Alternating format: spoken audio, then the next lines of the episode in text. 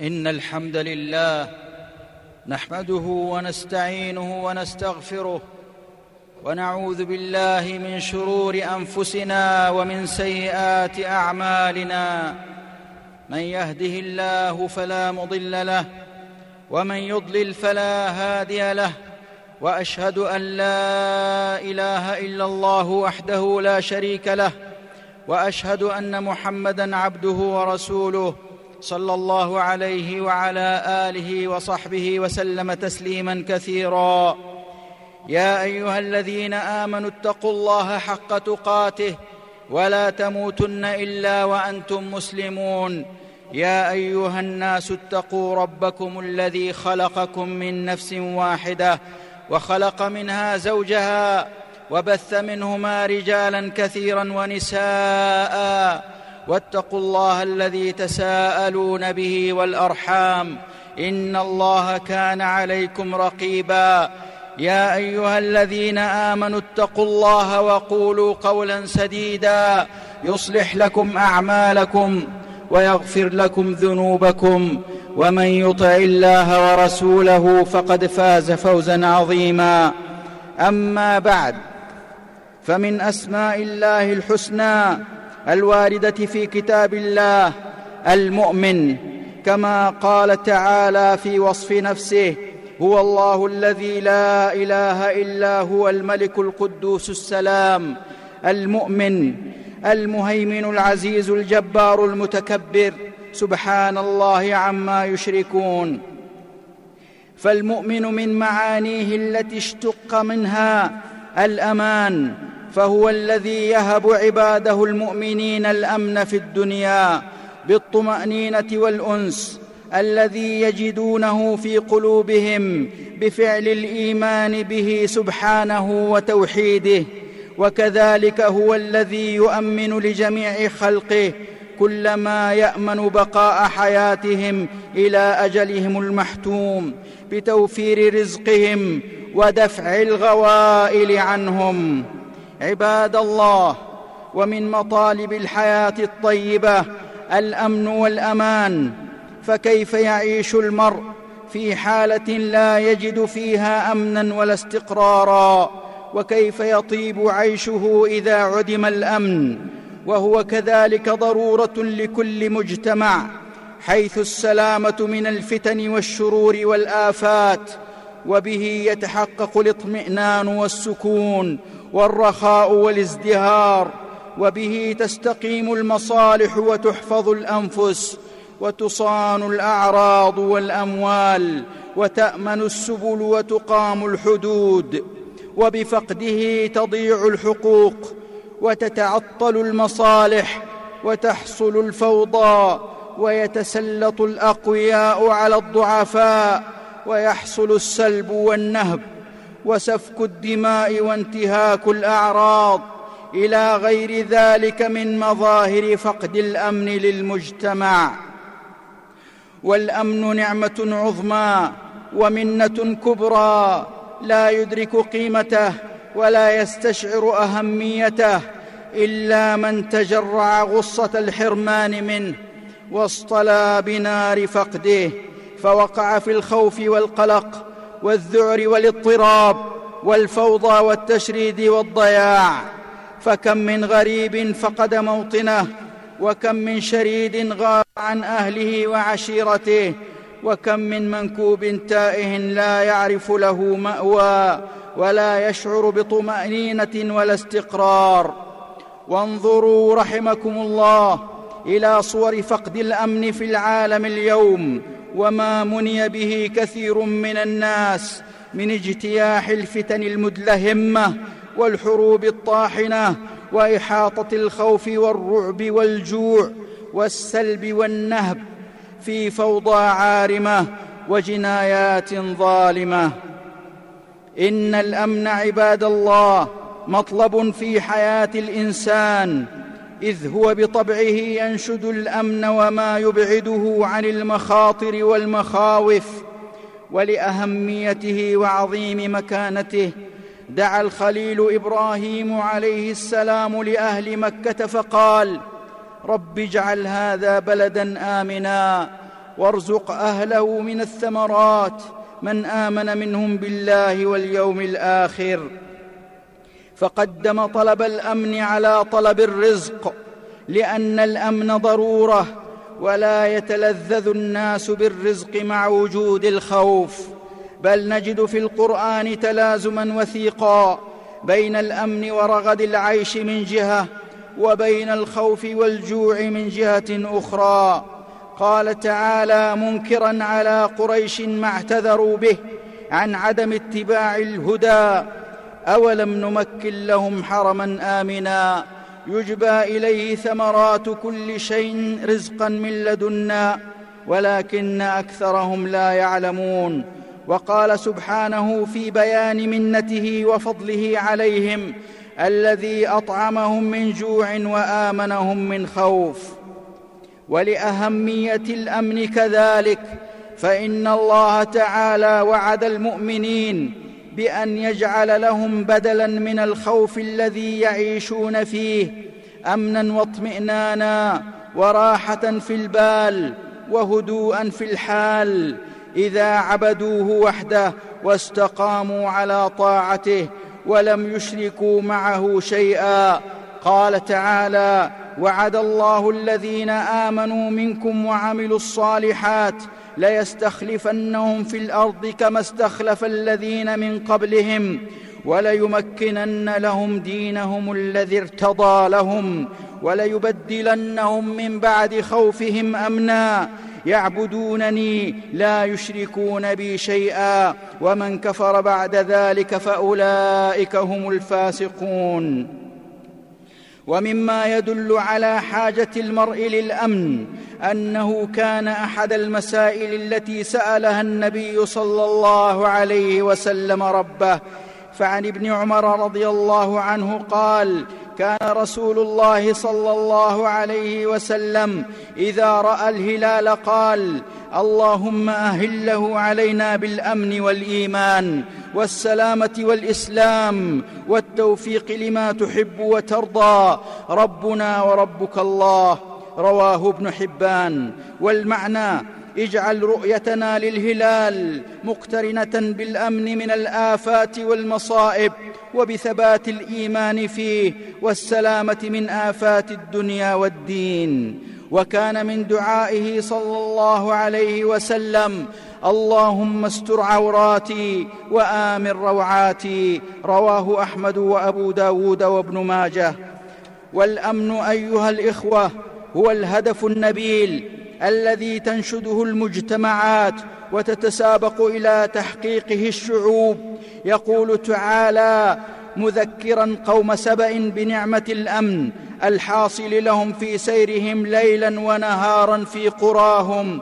سيروا فيها ليالي وأياما آمنين.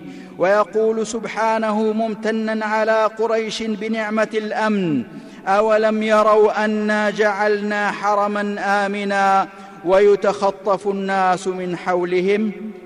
وفي الحديث عن النبي صلى الله عليه وسلم أنه قال من أصبح آمنا في سربه معافا في جسده عنده قوت يومه فكأنما حيزت له الدنيا.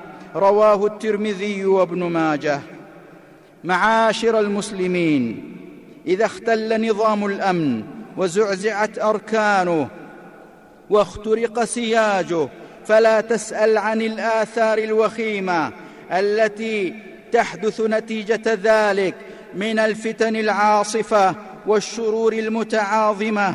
إذ لا يأتي فقد الأمن إلا بإثارة الفتن العمياء والجرائم الشنعاء والأعمال النكراء.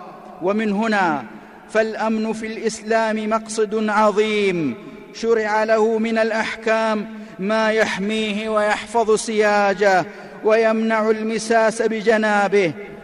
فقد تضافرت النصوص الشرعية على وجوب المحافظة على الضرورات الخمس وهي الدين والنفس والعقل والعرض والمال. أوجب الشرع حفظها وحمى حماها وحد الحدود وشرع التعزيرات للحيلولة دون النيل منها. بل إن الإسلام حرم كل فعل يخل بالأمن والإطمئنان. حرم كل فعل يخل بالأمن والإطمئنان والاستقرار. وحذر من كل عمل يبث الخوف والرعب والاضطراب من منطلق حرصه على حفظ هذه النعمة الجليلة. أقول هذا القول وأستغفر الله لي ولكم فاستغفروه من كل ذنب وخطيئة وتوبوا إليه. إن ربي غفور رحيم. الحمد لله ذي الفضل والإحسان. جعل الأمن مقرونا بالإيمان. وأشهد أن لا إله إلا الله وحده لا شريك له. الكريم المنان. وأشهد أن محمدا عبده ورسوله سيد ولد عدنان صلى الله عليه وعلى آله وأصحابه ومن تبعهم بإحسان وسلم تسليما كثيرا.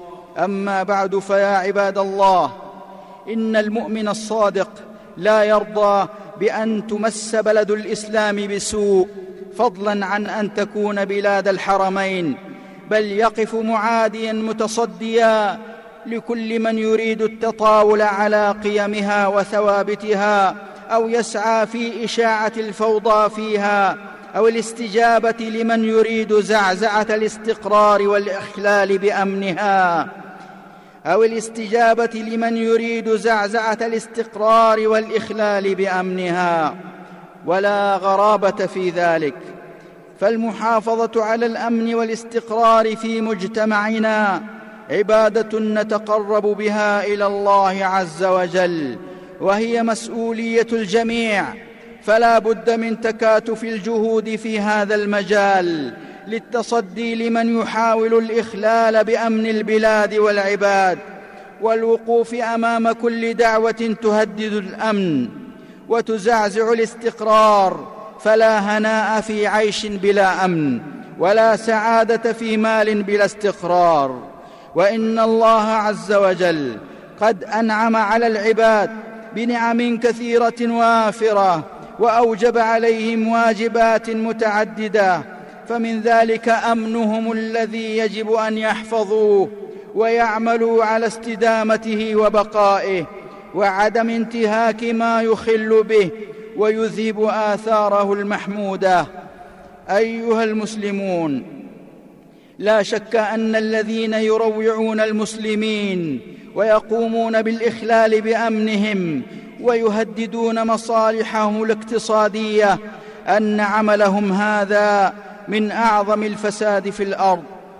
ومن الناس من يعجبك قوله في الحياة الدنيا ويشهد الله على ما في قلبه وهو ألد الخصام وإذا تولى سعى في الأرض ليفسد فيها ويهلك الحرث والنسل والله لا يحب الفساد. وإذا قيل له اتق الله أخذته العزة بالإثم فحسبه جهنم ولبئس المهاد. وقال تعالى ولا تبغ الفساد في الأرض إن الله لا يحب المفسدين. أي ولا تطلب الفساد في الأرض عن طريق البغي والظلم فإن الله لا يحب بغاة البغي والمعاصي. وبناء على ما تقدم فإن الاعتداء الآثم الجسيم الذي وقع على المنشآتين النفطيتين لهو ضرب من ضروب الفساد في الأرض وانتهاك صارخ للحرمات. وتعظم شناعة هذا المنكر العظيم والجرم القبيح والجناية الفظيعة بكونه ظلما عظيما في شهر الله المحرم المعظم أحد الأشهر الحرم التي قال الله فيها إن عدة الشهور عند الله اثنا عشر شهرا في كتاب الله يوم خلق السماوات والأرض منها أربعة حرم ذلك الدين القيم فلا تظلموا فيهن أنفسكم. الآية فالظلم فيها يكون أشد إثما وأعظم جرما لأنه جامع بين الجرأة على الله تعالى بارتكاب الذنوب والخطايا وامتهان حرمة ما حرمه الله وعظمه. ألا وصلوا وسلموا رحمكم الله على البشير النذير والسراج المنير كما أمركم الله تعالى فقال إن الله وملائكته يصلون على النبي يا أيها الذين آمنوا صلوا عليه وسلموا تسليما.